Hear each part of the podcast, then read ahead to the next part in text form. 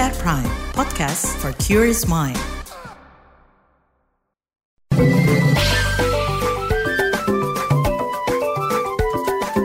WhatsApp Indonesia.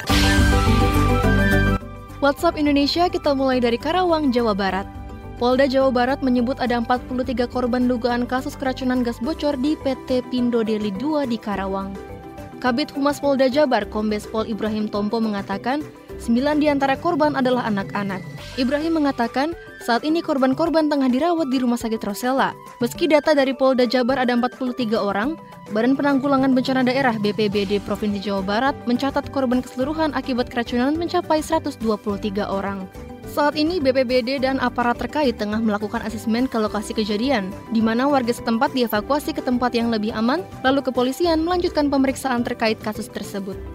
Selanjutnya ke Salatiga, Jawa Timur. Saat kunjungan kerjasama Menteri Kesehatan Budi Gunadi Sadikin ke RSUD Kota Salatiga, Presiden Joko Widodo menyorot antrian pasien Kartu Indonesia Sehat KIS dan Badan Penyelenggara Jaminan Sosial BPJS Kesehatan. Menurut Jokowi, antrian pasien KIS dan BPJS sangat berdesakan dan fasilitasnya tidak memadai. Melihat persoalan ini, Jokowi berjanji bakal mengatasi persoalan antrian yang lama dan berdesakan tersebut. Tak hanya soal antrean, Jokowi turut mengecek apakah ada pungutan-pungutan liar pada pasien di rumah sakit. Jokowi mengeklaim tidak ada pungutan liar di sana.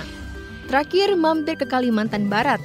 Kementerian Pekerjaan Umum dan Perumahan Rakyat PUPR tengah menyusun perencanaan proyek pembangunan jalan tol Pontianak Pelabuhan Kijing panjang 90 km. Sekretaris Jenderal Sekjen Kementerian PUPR Zainal Fatah mengatakan pihaknya tengah menjalankan studi kelayakan atau feasibility study FS dan analisis dampak lingkungan AMDAL dari pembangunan jalan tol tersebut. Lantaran masih dalam proses perencanaan, Zainal belum bisa memastikan kapan proyek pembangunan akan dimulai. Demikian WhatsApp Indonesia hari ini.